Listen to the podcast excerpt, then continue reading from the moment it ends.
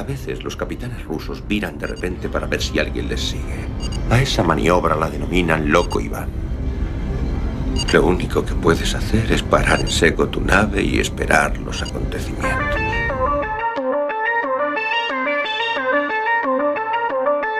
Yamasphere 347 of Space Patrol calling unidentified ship. They're not answering.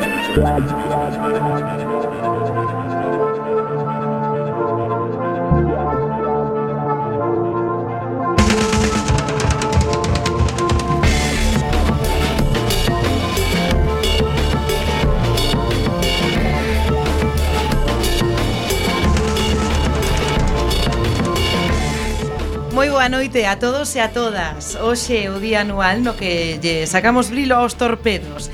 E no medio dese traballo ocorreusenos que era unha xornada perfecta para facer un recordatorio das grandes armas que marcaron a historia neste submarino nucelar. Non estamos falando de bombas atómicas porque non somos tan banais. Falamos de dagas do destino, de espadas cimerias e de lume valirio. Xa saben que aquí somos especialistas en rebuscar no tempo e no espazo entre aqueles obxectos míticos que marcan o devir da historia. Pero por suposto, nenos e nenas, recorden que as armas non son nunca boas conselleiras. Contaremos este venres, ademais con relatos disparatados, entrevistas con mestras de esgrima, noticias increíbles, música e moito máis. Please stand back from the automated door and wait for the security officer to verify your identity. Before exiting the train, be sure to check your area for personal belongings.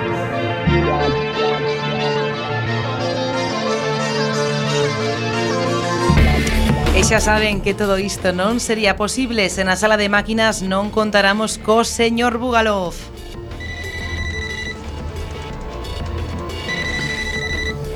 Temos, por suposto, como sempre, o camarada Lamelov. Boa noite, camarada, aquí no posto de vixiancia. O segundo da bordo, xefe de cociña, Birnarem. Aquí, entre fogóns. O tovarix Esmendrellev. Listo de alerta, camaradas e a tripulación que se completa con Nadia Conachova. Hola, boa noite.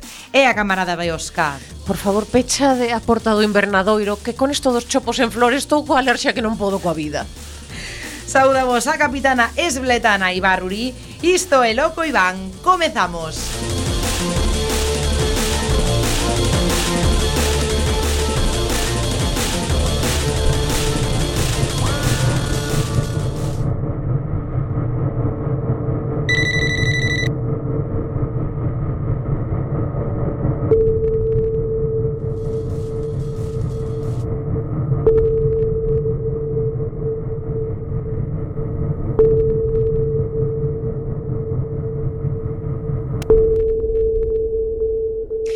E vamos sen dilación a facer un repaso polas noticias máis destacadas da semana. Xa sabedes, as que non teñen cabida nos medios movidos pola man invisible. Arriba Periscopio.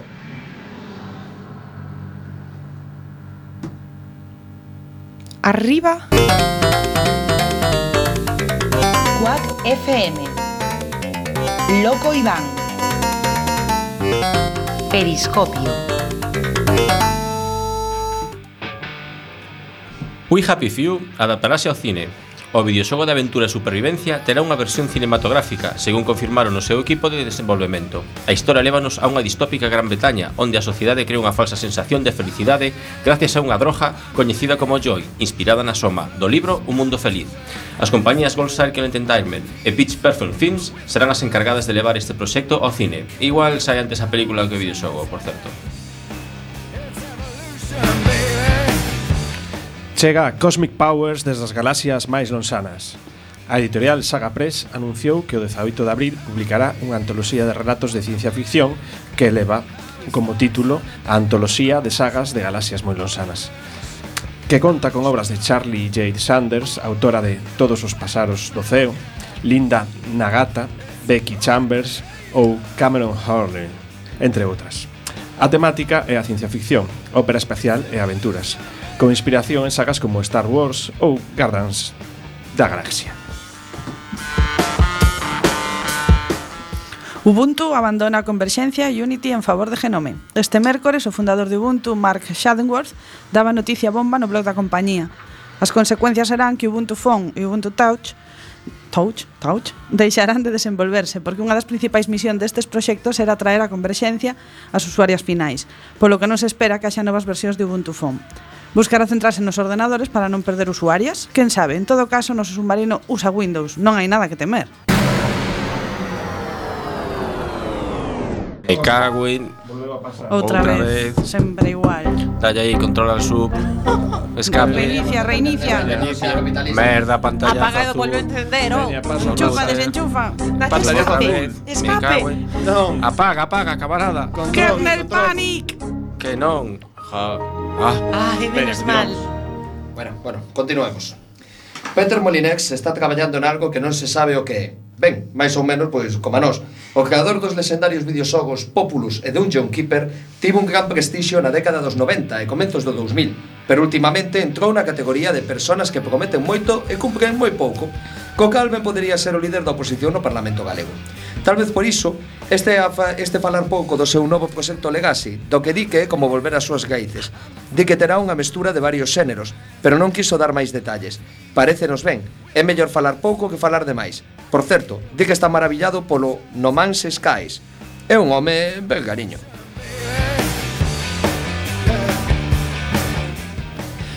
Impact Winter o 23 de maio Aproveitando que un asteroide de un kilómetro de ancho achégase á Terra Según a NASA, en dúas semanas saberemos se é a fin de mundo ou non Falamos do videoxogo Impact Winter, que trata sobre un grupo de cinco persoas que sobreviven ao impacto dun asteroide que provoca un inverno permanente.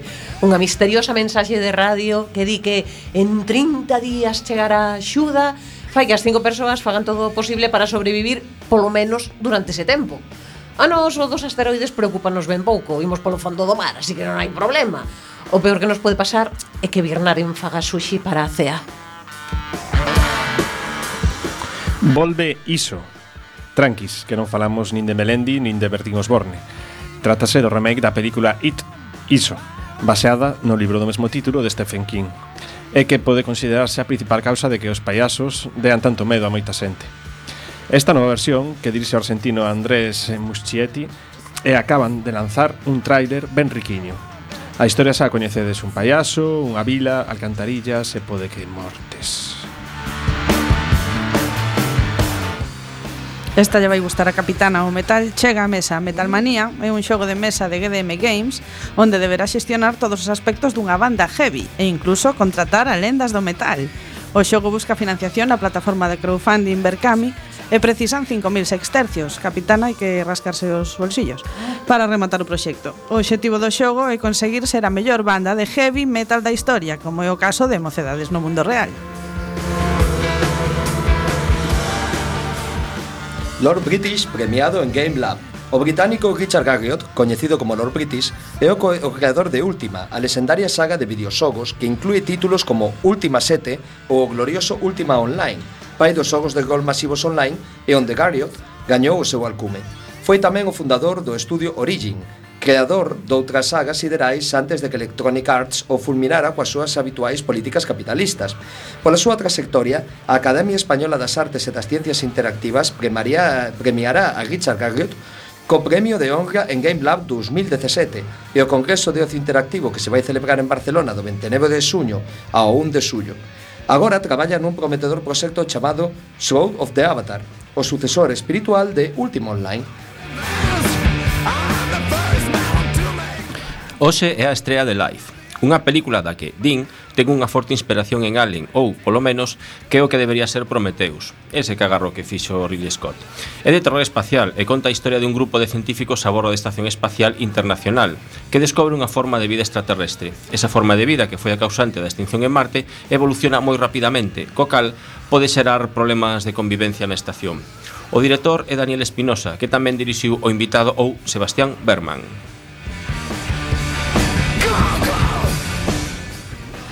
Invincible de Robert Kirkman chegará aos cines e, xunto con Walking Dead Outcast, a mellor obra do coñecido guionista de cómics e agora prepara o salto a gran pantalla cunha versión cinematográfica realizada por Universal e dirixida por Seth Rogers e Evan Goldberg, responsables de A Entrevista ou This is the End.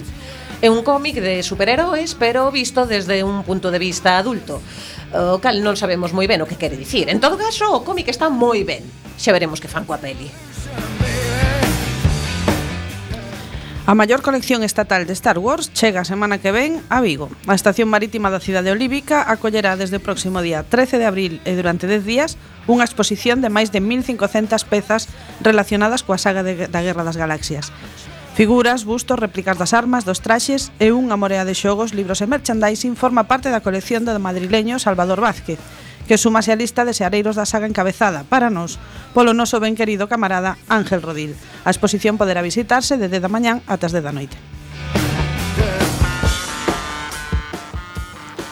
O Carballo Interplay presenta o seu cartel definitivo Se a semana pasada falábamos do seu concurso de proxectos de webseries, hoxe comentamos que o CIP, o Festival de Contidos Digitais de Carballo, presentou esta semana a programación da súa cuarta edición.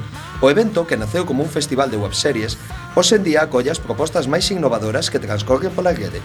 Estreas, obradoiros, encontros con youtubers, charlas e moita festa agardan vos do 4 ou 6 de maio en Carballos. Carballo. Por certo, Desde Loki Van felicitamos a iniciativa. A organización do CIP está formada só por mulleres. Yupi. Viva! Da rede, en xeral, imos á rede de microblogging. Twitter xa non ten ovos. E ollo, que non é porque Birnarem quedara coas galiñas. Twitter, para combater os numerosos trolls que atean esta rede, decidiu meter no caixón o tradicional icono do ovo que automáticamente xenera ao dar de alta unha nova conta e que, posteriormente, podías mudar por unha atractiva imaxen das túas vacacións en Siberia. Agora este ovo, que se asociaba aos perniciosos comentarios dos trolls, será substituído por unha imaxen que semella o perfil da persoa. Que a terra che sexa leve. un sistema solar con catro novos planetas descoberto grazas a un proxecto de crowdsourcing. Descubrir novos planetas eh, non é só grande tarefa dos observatorios. Un grupo australiano de astrónomos afeccionados puideron descubrir un novo sistema planetario con catro con... con eh, como é isto? Con catro superterras orbitando unha estrela na constelación Siga, camarada, de Acuario. Por favor. Os 7.000 voluntarios que participaron no proxecto Explore Exoplanet demostraron os beneficios destes proxectos colaborativos. Máis de 1,5 millóns de puntos de interese foron clasificados en só dous días hábiles. Esa conquista equivale ao traballo dunha única astrónoma durante dous anos en pausa para café ou viaxes para ir ao baño. E aquí non queremos que exploten as vexigas das astrónomas. Saíron os premios BAFTA de videoxogos. Eh, pero isto non nos interesa nada, non? No, nada, nada fora. Que lle debo. Que lle.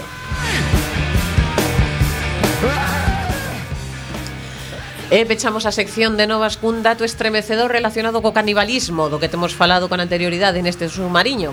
A antropofaxia non é apta para a operación bañador da perestroika. Por cada home adulto que comas, súmalle 126.000 a túa conta. Así o anuncia o arqueólogo James Cole a través dun artigo publicado esta semana na revista Natura. Segundo as súas investigacións sobre o canibalismo paleolítico baseado en datos de autopsias realizadas a homes nos anos 40 e 50, esta enorme inxestión calórica demostra, entre outros aspectos, que a antropofaxia non responde a unha motivación nutricional, senón que máis ben esta idea xurdiu por interpretacións posteriores. Misterio resolto? Investigaremos. Mama. My.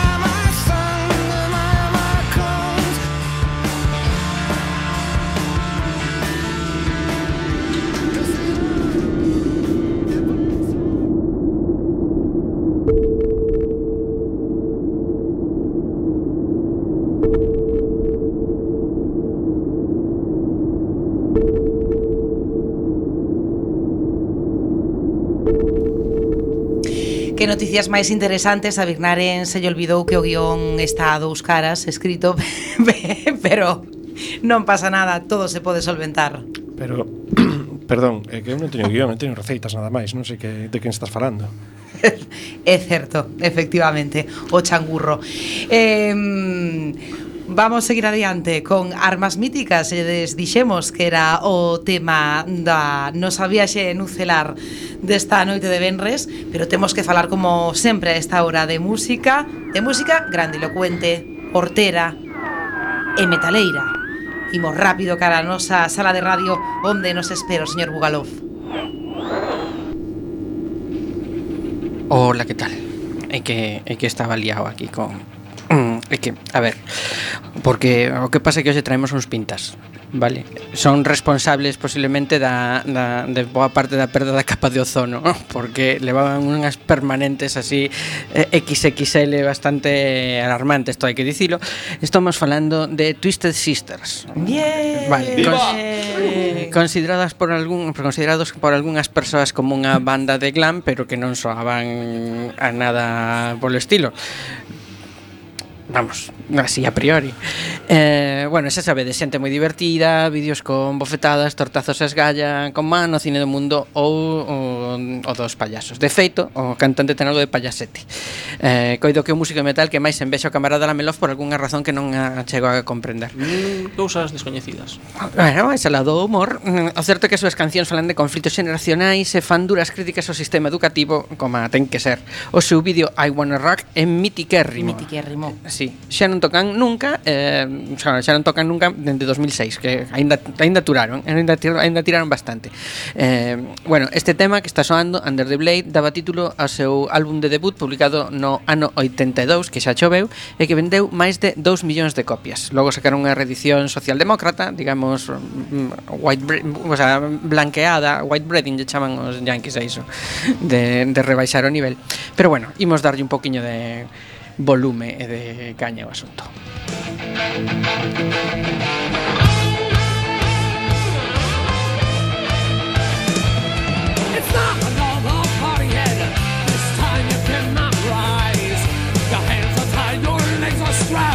light shines in your eyes. You fantasy on razor's edge. You open your mouth to cry. You know you can't. It's over now. Blade is gone away.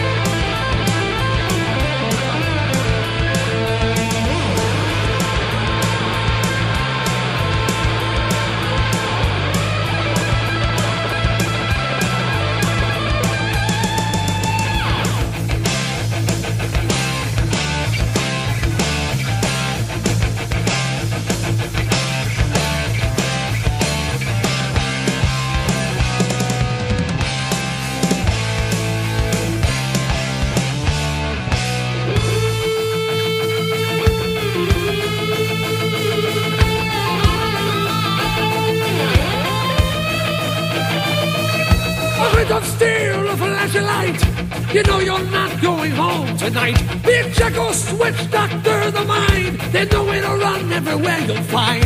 You can't escape from the bed you made. But when your time has come, you'll accept the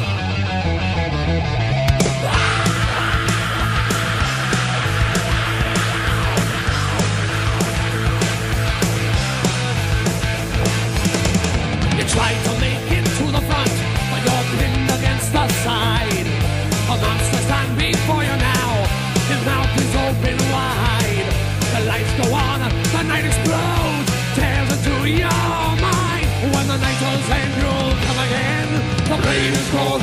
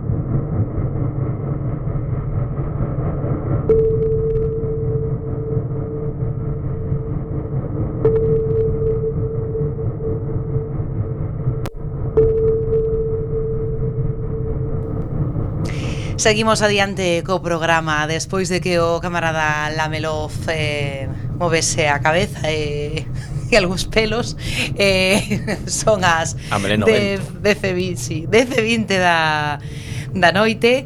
E hoxe, ese que serva de precedente, imos ler un relato pero que non procede dun libro, senón dunha película. É a recreación da escena do labrego anarquista nos Cabaleiros da Mesa Cadrada dos Monty Python. Bueno, xa saben que pouco hai que dicir desta obra mestra do humor absurdo eh, traducida aquí era Monty Python and the Holy Grail eh, aquí se traduxo como os Cabaleiros da Mesa Cadrada eh, xa saben, os Cabaleiros que din ni a Granada Sagrada sagrada de Antioquía que hai que contar tres veces antes de lanzala, eh, nin dous, nin catro, tres. As, Cinco. bueno, as preguntas que pasan que para pasar a ponte, o monstruo asesino terrible, o cabaleiro negro ou a bruxa que pesa tanto como unha oca, a princesa Baki tamén, bueno, son son algunhas das escenas desternillantes desta película que foi dirixida por Terry Gilliam e Terry Jones no ano 75 non somos os Monty Pythons eh, pero sí que queremos facer unha pequena homenaxe a estes mestres de humor nun momento no que precisamente se lle quere poñer moitos límites e moitas trabas ao humor e á liberdade de expresión. Eh, vamos alá entramos hoxe na biblioteca. Música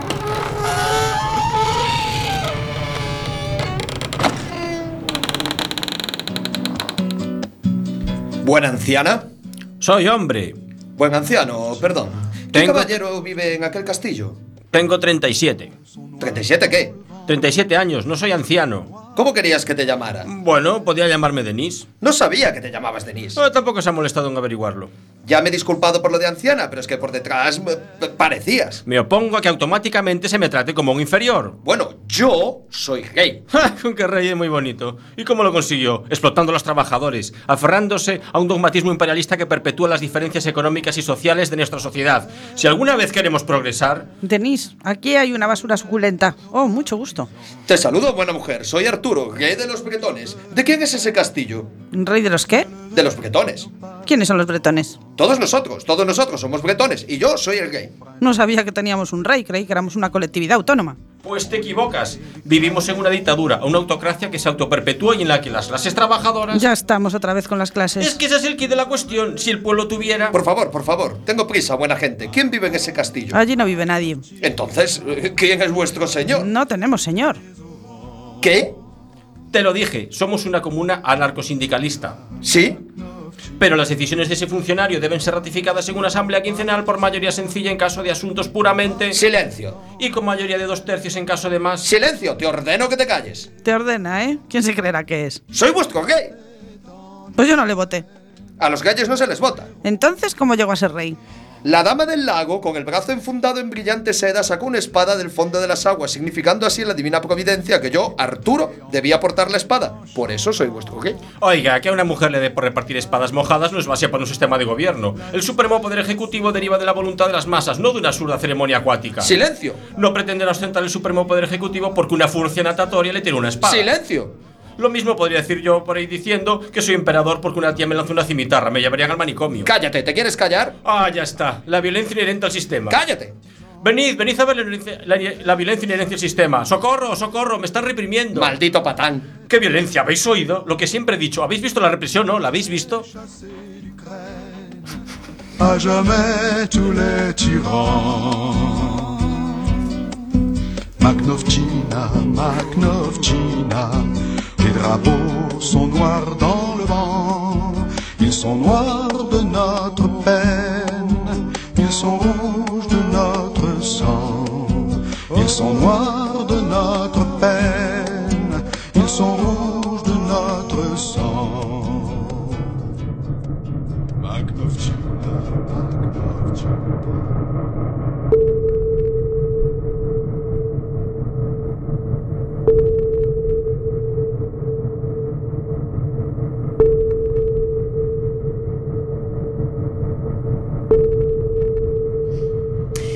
Despois deste impresionante relato eh, Temos que abrir a escotilla Para traer esta noite con nos A unha nova invitada a Esta viaxe do submarino nucelar. Falamos con Ruth Ballesteros, que é mestra da Escola eh, Centolos, que é unha entidade deportiva con carácter social cuxa finalidade é o fomento e a práctica da esgrima deportiva. Se me equivoco en algo, Ruth, ti eh, dimo enseguida. Eh, no, vas bien. Es, es, un club deportivo que se dedica sobre todo a la enseñanza y el fomento de la esgrima, pero además, bueno, de la esgrima en todas sus modalidades y tenemos también una pequeña escuela de pentatlo moderno. Efectivamente, eh, este Club de Esgrima Centolos eh, que se constituiu no ano 2002, 2010 co apoio da Federación Galega de Esgrima e tamén do Concello de Oleiros do noso camarada Gelo eh, en 2011 se creou o Zalaeta Centolos no? con, con sede eh, no Instituto de Zalaeta e aquí te temos hoxe que falamos de armas lexendarias para que nos contes un pouco. En primeiro lugar, Ruth, te queremos preguntar que ven sendo a esgrima antiga, pero hoxe en día? Sí, bueno, la esgrima, nosotros la llamamos más histórica que antigua. Antes siempre decíamos esgrima antigua y lo, hemos ido cambiando el término. Que ainda mola máis, ¿no? sí, Decir... es, se entiende un poco mejor. Precisamente porque es histórica, pero ya no es antigua. En la esgrima histórica lo que hace es o sea, recuperar a través de los tratados antiguos los movimientos, las técnicas y las formas de combate de las distintas épocas de la esgrima con las distintas armas y, y llevarlos a la práctica. Entonces tiene una parte de estudio y una parte práctica de combate y ahora incluso hay modalidades competitivas. pero, por exemplo, vamos a poñernos na, na situación de que un ou unha ouvinte diga, eu sempre quixen dedicarme a este deporte, non sei se de forma profesional, pero polo menos amateur, eh, que teñen que facer? Para hacer, para hacer esgrima, bueno, lo primero hay que tener ganas. Bueno. Y no hace falta mucho más. Eh, para poder practicar un día, bueno, hay, hay, digamos, dos maneras de iniciarse. Una es buscar un curso puntual que hay a través del Concello con Nocturnia o de vez en cuando hacemos unos cursos de esgrima en familia, que estos son adultos y niños a la vez. De familias que se levan mal, o mellor eh, Sí, y así que liberar discute- discuten las cosas de casa, las discuten con sables de goma espuma. Bueno, es, eso de como espuma está ben. Y se puede hacer un curso puntual y probar un día o, o directamente venir al club, ponerse en contacto con el club y venir a hacer una sesión de prueba, que también es gratuita, se presta todo el material y luego ya el que le interesa y, tiene inter y se quiere quedar, pues puede venir a clases un día a la semana, dos, tres o más. Eso ya va en función de, del interés y de la disponibilidad de cada uno. E, en que se diferencia a esgrima eh, histórica da que non é histórica? La esgrima deportiva, que es como llamamos a la que no es histórica, es la evolución natural, digamos, de la esgrima histórica. Entonces, la diferencia es que en esgrima deportiva las armas se han aligerado mucho, eh, vamos vestidos de blanco, las equipaciones son diferentes y está, digamos, mucho más apegada al mundo del deporte federado. Eh, en la práctica ha hecho que sea muy diferente, porque en esgrima deportiva al final tú intentas ganar el combate, entonces eh, la táctica está supeditada a eso. Entonces a lo mejor no te importa tanto que te toquen. Es decir, es, no se prima tanto la defensa a ultranza. En la esgrima histórica, teniendo en cuenta que reproduce en épocas históricas donde la gente se mataba de verdad con una espada, eh, priman mucho más que, que non te toque la moito. Claro, la defensa. Entonces eso ha hecho que a la vista los movimientos y la manera de usar las armas sea muy diferente. Non sei, eh, a verdad, que, que nunca vin, teño que dicir a verdade que xa sabedes que, que, que vexo de todo, pero, pero nunca vin un, un combate de, de esgrima histórica, pero non sei, o sea, polo que estás dicindo, debe ser como, moi, non, como moito máis impresionante ou algo, non? Polo ben feito, claro. Sí, eh, la verdad es que es, espectacu- es espectacular, porque aunque las eh, armas deportivas tienen su interés, pero visualmente ver mover una espada, depende de la época, utilizan una espada medieval, que son las espadas de mano y media, que es enorme y que se utiliza con dos manos, y ver a dos personas, además la verdad es que tenemos eh, tanto los maestros como deportistas que llevan muchos años y tienen mucho nivel y son capaces de, tanto en combate real o, o en una coreografía que hacen para en algunas ocasiones, eh, hacer unos combates que parecen súper reales y, y además con unas técnicas impresionantes. La verdad es que es impresionante. Hay vídeos colgados para quien le interese en, en YouTube, hay vídeos de distintos eventos que hemos ido organizando y la verdad es que sí que es espectacular. Eu quería te preguntar, porque tive moi pouquiño contacto ca esgrima antigua, pero sí que vin un par de exhibicións. Ti que es de man e media, e de copeira. Es de copeira, que che gusta máis? Italiana, francesa, verdadeira destreza, que é unha cousa moi impresionante de ver. Bueno, Contanos un pouquiño que, que o que hai con cada unha delas. Bueno, la verdad es que yo no, yo no soy la... Es decir, mi especialidad no es la esgrima histórica. Eh, hay un técnico muy, muy bueno, precisamente por eso es difícil pescarlo para una entrevista, porque los fines de semana está muy cotizado en dando cursos y conferencias en distintos clubs. Y entonces Depende un poco del gusto. Eh, la esgrima, la de mm, con armas muy grandes, la esgrima medieval, pues es más espectacular, a lo mejor, pero los movimientos son más grandes, son un poquito más vastos, porque las armas son mucho más pesadas. Estamos hablando de armas que pesan, pueden más de un kilo, pueden llegar a dos kilos. Eh, la espada ropera ya se parece mucho más a la esgrima deportiva, entonces es, una, es un arma más ligera, más fina y que no tiene unos movimientos tan amplios como podría ser la otra. Entonces, bueno, al final es una cuestión de gustos. É unha pregunta que eu teño porque eu xa estou emocionada pensando que, que teño que dedicarme por completo, teño que abandonar o submarino, dedicarme a, a loita con, con espada medieval porque eu me vexo inmediatamente así como xena.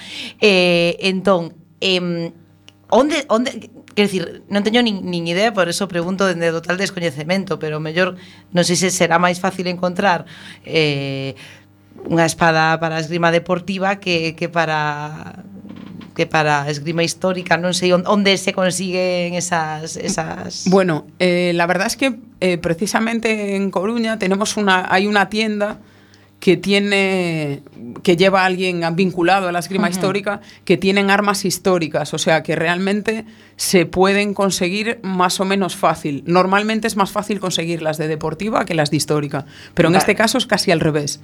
En Coruña. En Coruña, porque de esgrima deportiva no hay tienda física, no hay, no hay un decathlon con una sección de esgrima. El, realmente compramos todo a través de proveedores directamente y normalmente los alumnos compran a través del club que canalizamos un poco para hacer pedidos grandes y evitar los costes de los gastos de envío. Pero vamos, es muy fácil encontrar el material. eh, canto máis ou menos mm, vale equiparnos para, para ser centolas. Eh, Bueno, lo, lo primero y más importante es que se puede probar sin ningún tipo de coste de material, porque a lo mejor a alguien le puede asustar un poco la inversión inicial. Luego, para esgrima deportiva, desde que entraron los mercados China y Pakistán en la fa- fabricación de material, podemos conseguir una equipación completa por 150 a 200 euros con todo ya, careta, arma, traje, todos los elementos de protección. En esgrima histórica eh, eh, se va, es un poquito más caro, porque las armas de esgrima histórica son de fabricación, son más caras ya de por sí y de mucha menos fabricación, entonces eh, se suben casi a las 200 euros el arma, más lo que cueste la ropa. É unha cota de malla, eso... Bueno, pero esas no- por, ahora no, por ahora no hacen falta.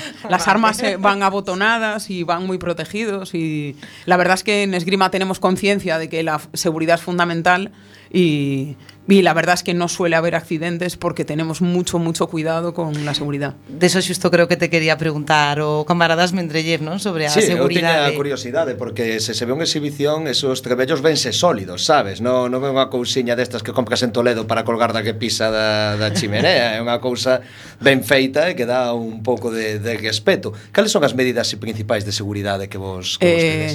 En esgrima histórica, precisamente, eh, se usan unas chaquetas que son las mismas que usamos los maestros de esgrima deportiva, porque están pensadas para recibir muchísimos más impactos que, en un combate de esgrima deportiva. Y luego hay quien debajo de la chaqueta se puede añadir un fieltro, se pueden usar coderas, de- ya depende. Lo cierto es que cuando se hace esgrima histórica, aun en la modalidad de combate, el objetivo es marcar el tocado. No se intenta impactar con una gran fuerza, porque además cuanta mayor fuerza pones en el movimiento, si te engañan, digamos, al final es peor para ti.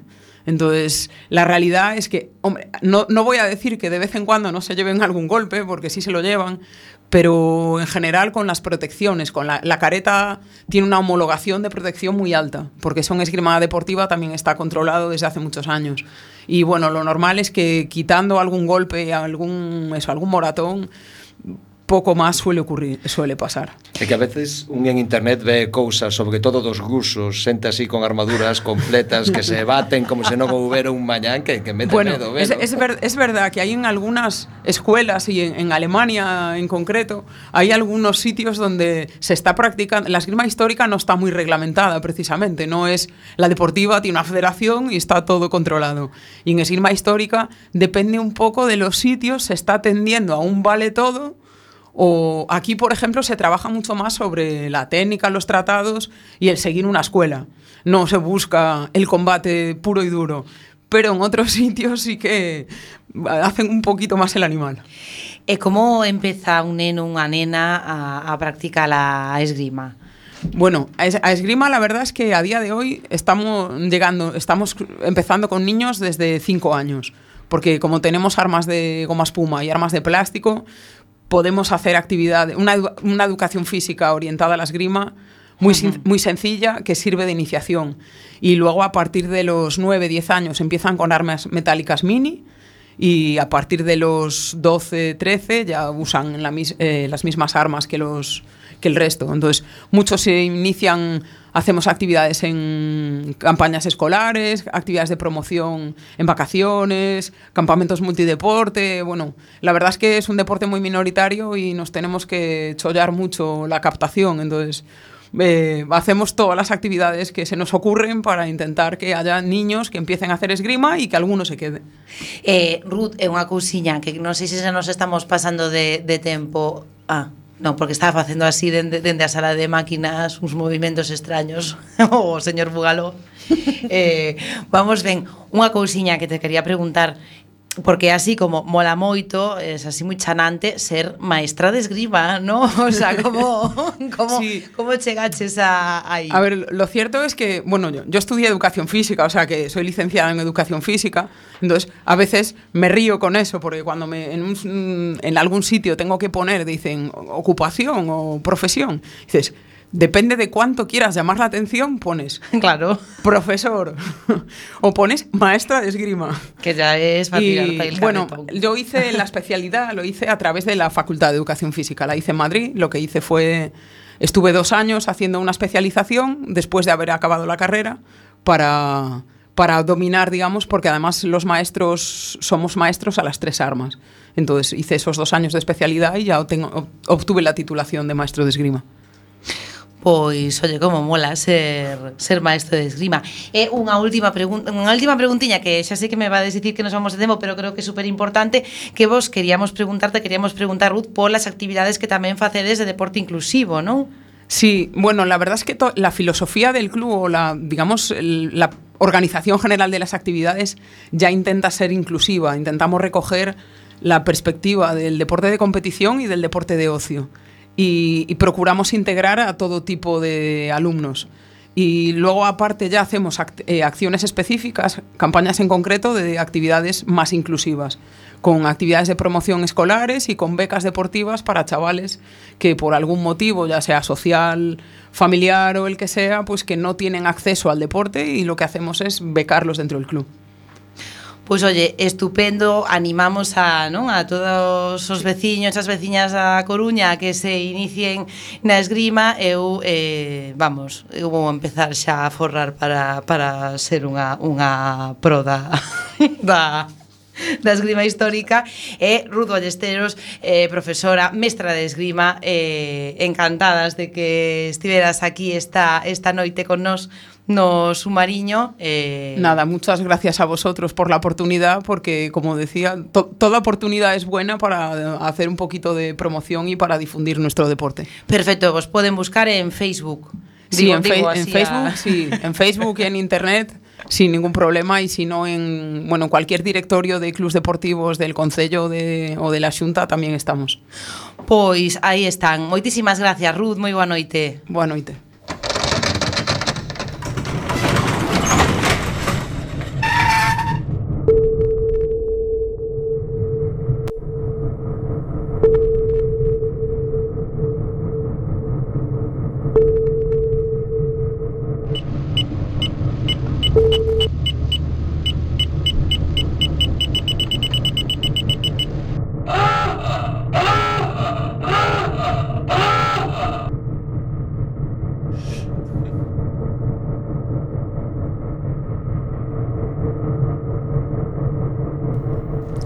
Agora xa estamos, son as 10 e 40 minutos da noite. Vimos de falar con Ruth Ballesteros, maestra de esgrima Que nos comentou todo o que podemos facer. Se nos acercamos a esa escola de esgrima Centolos na Coruña para aprender eh, de todo con moito sentidiño, pero vamos seguir eh, coa inmersión falando de armas antigas, de armas lexendarias. E por suposto temos que comezar co camarada Lamelov que nos vai falar das armas lexendarias nos videoxogos, que é un pouco unha cousa rara, lexendario e videoxogo a vez.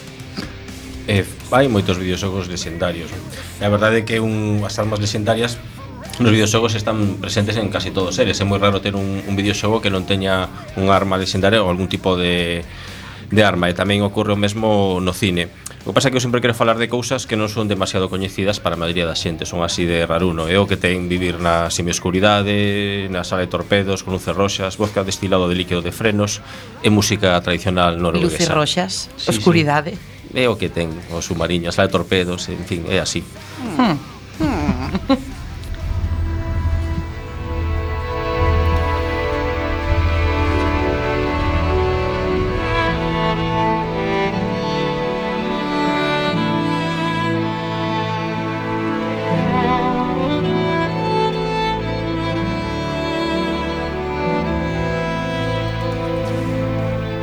Pois pois quero falar dun videoxogo que aínda non saiu O Kingdom Come Deliverance de Warhorse Studios Que é un xogo de rol medieval, aberto Con todas as características habituais que ten o xénero E, bueno, pois a actuación da persoaxe, o teu rol no, na historia, estadísticas, obxetos, artesanía, alquimia, diálogos interactivos... É unha boa historia nun mundo aberto de 16 km cuadrados de superficie, que para un xogo, bueno, pois non está, non está nada mal.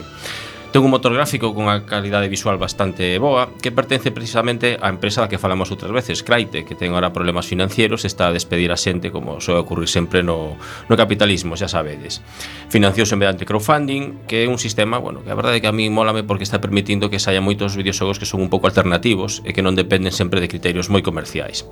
En todo caso, onde máis destaca o Kingdom Come Deliverance é no combate, precisamente falamos de esgrima medieval, de esgrima eh, histórica, eh, este xogo que ten parece como, como se fora un simulador de, de esgrima, porque os combates son hiperrealistas. De feito están pois asesorados por mestres e mestras de, de esgrima. De feito hai vídeos en YouTube onde se ve como están pois estudiando os movimentos para logo poder plasmados no videoxogo. Tiven ocasión de, de probar a beta, e verdade que funciona que é espectacular, porque as armaduras non son as típicas dos xogos de rol onde descontan o dano que te fan, non, non, se entra a espada, pois fai dano, o dano que ten que facer, e se te dan cun espadazo pero tes un casco, pois protese como ten como ten que protexer. Entón os combates a verdade que son eh, espectaculares. Eso por iso a verdade que que merece a pena. Penso que é un dos xogos máis interesantes que vais a ir, pois non sei se este ano ou ano seguinte. Es gracioso pensar que eran nuestros aliados en la guerra. ¿Quién es, querido? Los rusos, con papá Stalin. Sí, era un buen tipo. A mí me gustaba. Era como un tío mío. gustaba su bigote y su pipa. O tipo Tito Stalin o papá Stalin. Ben, eh, se falamos de armas, eu penso que hai que falar de, de armas nucelares, porque tamén son armas míticas, legendarias, e que poden incluso que ser máxicas, non? Son as máis destructivas que se descubriron... Bueno, na... máxicas definitivas, poderíamos chamalas. Sí, son máxicas porque, bueno, podes quedar coa silueta pegada na parede, sin que mm, ninguén se explique sí. como e tal. Eh, bueno, a verdade é que o certo é que son moi destructivas. Entón quería falar dunha película de animación moi impactante, que seguramente algún de aquí seguramente coñeceredes, que son, eu penso que das máis de, bueno, máis impactantes que, que vin en, en moitos anos E mira que vi unhas cantas cousas impactantes tamén.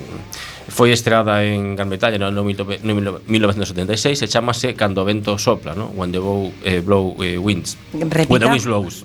outra vez, outra vez. When the wind blows.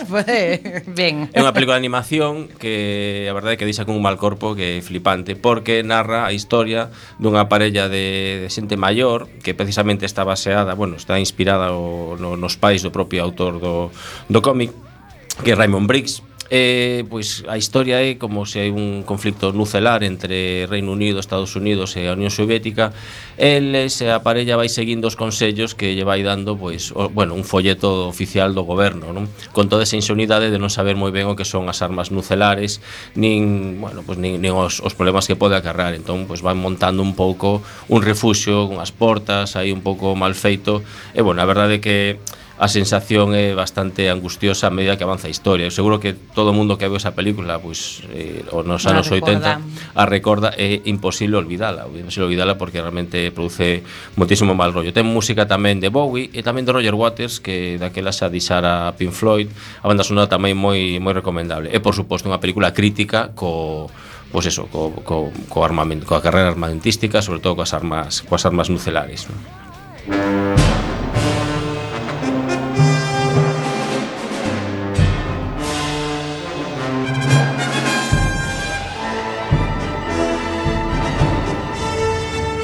me, podíades, cando entro no submarino, podíades poñerme esta esta música. A poñemos así. sempre, pero sí. non, non a poñemos soa, sae soa cando entras. É certo, sí, sí. Non sí. chega coa alfombra e os pétalos de rosa, de verdad? Amén, es que eu ás veces teño pai, pai. gases que soan así.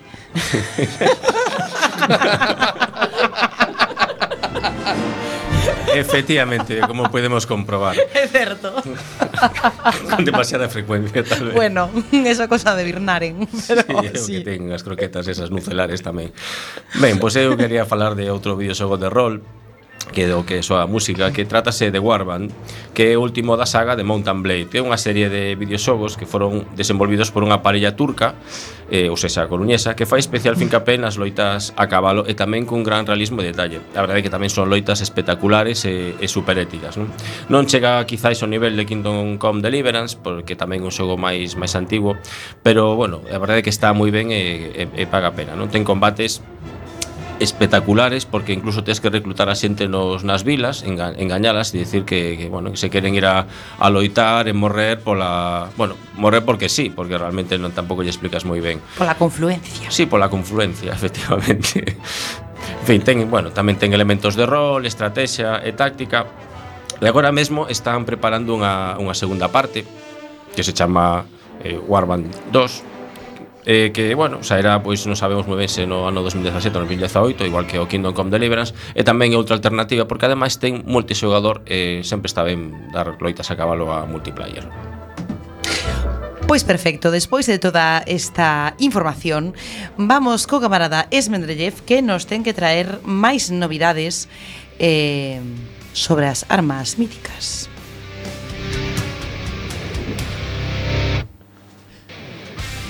No tenía más remedio, se explicó el ángel frotándose las manos distraído.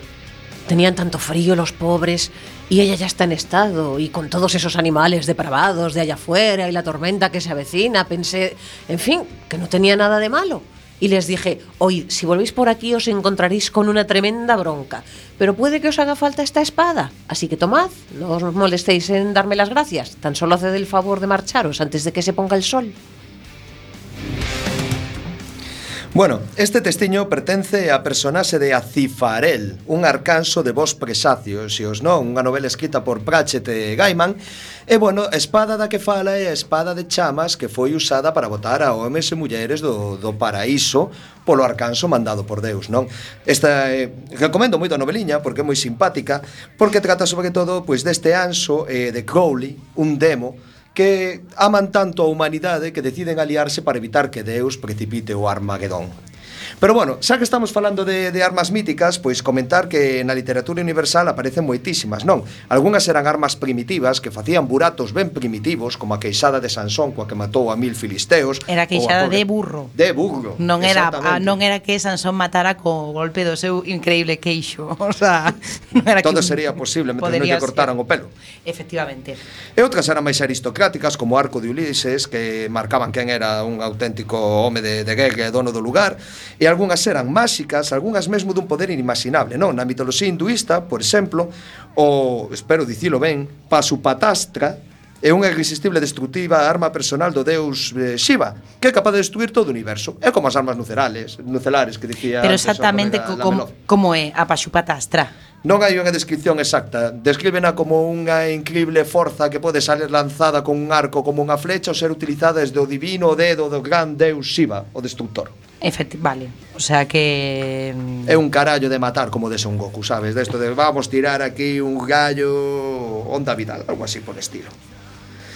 E bueno, hai algunhas que son simbólicas. A mí unha que me chamaba a atención desde, desde neno era Gram, a espada coa que Sigurd e matou o dragón Fafner dentro da mitoloxía nórdica. Foi forzada por Boldur, o fegueiro máxico, un ah. anano, e originalmente pertenecer ao seu pai, Sigmund, que recibira no saldón dos bolsungos tras quitala do tronco onde Odín a entegara, o cal podemos enlazar coa famosa Excalibur, pero eso para outro día que dá, dá para programa exclusivo, nen?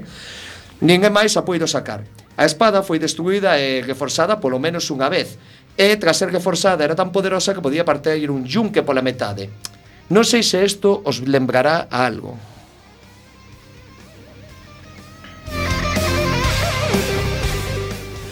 Soy Andúril, que fue Narsil, la espada de Elendil, que los esbirros de Mordor huyan de mí. Narsil fora unha espada creada polo rei Anano Telchar e empuñada por Elendil o Alto, rei de Arnor e Gondor, na guerra da última alianza contra os exércitos de Sauron. A profecía dicía que Narsil non, non volvería a ser forzada ata que o anel único non que aparecese, o cal os sabios desesaban que non ocorrese nunca. Desafortunadamente, pois como todos vimos as películas, sabemos que eso pois pasou, non? E miles de anos despois, Faramir e Boromir tiveron un soño no que se lles dicía que xunto á reaparición do dano de Isildur volveríase a forzar a espada que estivo rota e o descoronado sería de novo gay. A resposta ao enigma achou na Boromir e Rivendell e ali a espada foi forzada de novo ao final da terceira idade para o rei Aragorn, recibindo entón un novo nome, Anduril, palabra sindarín que pode traducirse como chama do oeste. Aragón levou consigo a espada durante a Guerra do Anel, esgrimindo eh, aquela que fora creada durante a Guerra contra Sauron, e, bueno, usouna para destruir a escuridade. Fixo logo Juan Pardo unha canción Pois pues, se atarareas, capitana, nos encantados no. de oír a túa maravillosa voce. É, considerada tamén un arma a canción arma de Juan Pardo. De destrucción, de intrusión masiva, así. Outra que non podemos pasar por alto é a Santa Lanza, non? A mítica lanza que foi cravada no corpo de Cristo eh, por un soldado romano que logo foi santo chamado Longuino. E por que non a podemos pasar por alto? Porque hai mogollón de literatura, de películas, de xogos, de todo nos que aparece a Santa Lanza, non? Os nazis históricamente buscaron esta lanza con Aiko porque a lenda dicía que traía a victoria a quen a, a quen a posuíra E, bueno, pois aparece en diversas películas e sobre todo cabe destacar que foi a explicación oficial de DC Comics para que seres como Superman ou a Muller Maravilla non poideran ir directamente a Berlín a darlle unhas boas hostias a ese fascista. Ajá. E bueno, hai outras, sen embargo, que quero destacar máis que nada pola eufonía, pola eufonía. escoitade, mira. Uno, dos, uno, dos. A diestra y siniestra la hoja borpalina silvicorti partió. Al moncho dejó muerto y con su cabeza en ristre el joven galofante regresó. Muchacho radiante, mataste al Jabberwock. Ven que te abrace. Qué día más fragoso me regalas, hijo. ¡Calay, calay, caló! Reiqueaba el viejo en su alborozo. Carroll publicou a través do espello eh, en 1871, non? Eh, contaba o que Alicia atopou a través do espello. Cerca do principio do libro, Alicia descubre leo o problema, o problema Jabberwocky que describe a procura dun mozo para matar un monstro que se chama así, Jabberwocky. É unha traducción ben difícil, xa que no poema original as palabras eran invención de Carroll e non tiña significado previo. Neste caso, escollín a versión de Mirta Rosenberg e Daniel Smith, espero dicir ben, Samoilovich, publicada en Diario de Poesía número 43, Buenos Aires, Argentina, no 1997. Te quieres ir moi de guai hoy, ¿no? Eu xa sabes que son... Non te lembras, un intelectual moderno de merda, é certo, entón pois encanta. Medvedev se ven arriba. Pero vou dicir algo. Esmerdellev. Eh, vou coller ese nome. Ainda non dixeches ningunha guarrada, guarrada de verdad. Non, esta vez non hai nada no? escatolóxico. Pero, pero se si falamos de... de espadas, non? Ah. Sí, vale, as espadas son algo moi erótico, pero Pois non sei, non se me ocorreu. Si direi que a espada Vorpal tomou unha Gary Gigas para o D&D e que todos sabemos que a Vorpal é unha espada que se sacas un éxito crítico, decapita e mata inmediatamente o enemigo, independentemente dos seus puntos de vida. E bueno, xa para, para ir rematando sí, con sí. esta fase literaria, comentar que posiblemente na literatura moderna o caso máis claro sería o de Stormbringer, a espada, do, eh, a espada demo do corrupto héroe de Morcook, Elric de Melniboné Esta historia está ambientada nunha antigua era na que aconteceron grandes sucesos sobre a terra e Baixoela, na que se tramaron guerras monstruosas e se proxectaron grandiosos, grandiosos sucesos. E o maior dos heros foi un aventureiro maldito que empuñaba unha espada única que detestaba e que, ademais, bebía almas. O nome de oro era Elric de Belniboné, Gay de Guina, señor dunha gaza diseminada que unha vez gobernara o mundo, e a súa espada portadora de tormentas, un demo bebedor de almas, é a chave para a guerra final entre a lei e o caos. Bueno, ese, pero ese libro calé porque xa me perdín nunha... nun... Hai varios libros de, de Eric de Melnibonet Tal vez o máis famoso é Stormbringer Portadora de tormentas en, en español Que fala directamente de espada. Perfecto, portadora de tormentas. Pois eh, queda un minuto para que nos despidamos Así que, non sei, eh, diga algo con a chova de todo isto, analice. Eu estou impresionada co, co, coa subida de tono aquí do, do, do Emes Mentre que che quere quitar o posto. E eu, como firme defensora da nosa capitana Vou pasar enseguida a mensaxe á cociña Para que lle preparen algo e que durma eternamente. Recibido. Xa estades preparando o comisario político cabos. Motín Cicuta Bueno, pois eh, Mira, queda media hora Vamos a despedirnos Pero como, pero bien. como Lenin manda Páseno moi ben. Sexa moi felices ata a semana que ven. A semana que ven, bueno, o mellor pode ser que non teñamos programa, xa o decidiremos, xa o decidirei eu, por suposto. E chegaron as mantillas. Eu teño manifestación de Lenin. Mm. Eu é que quedei coas viudas de Lugo, pero bueno. é o Día da República.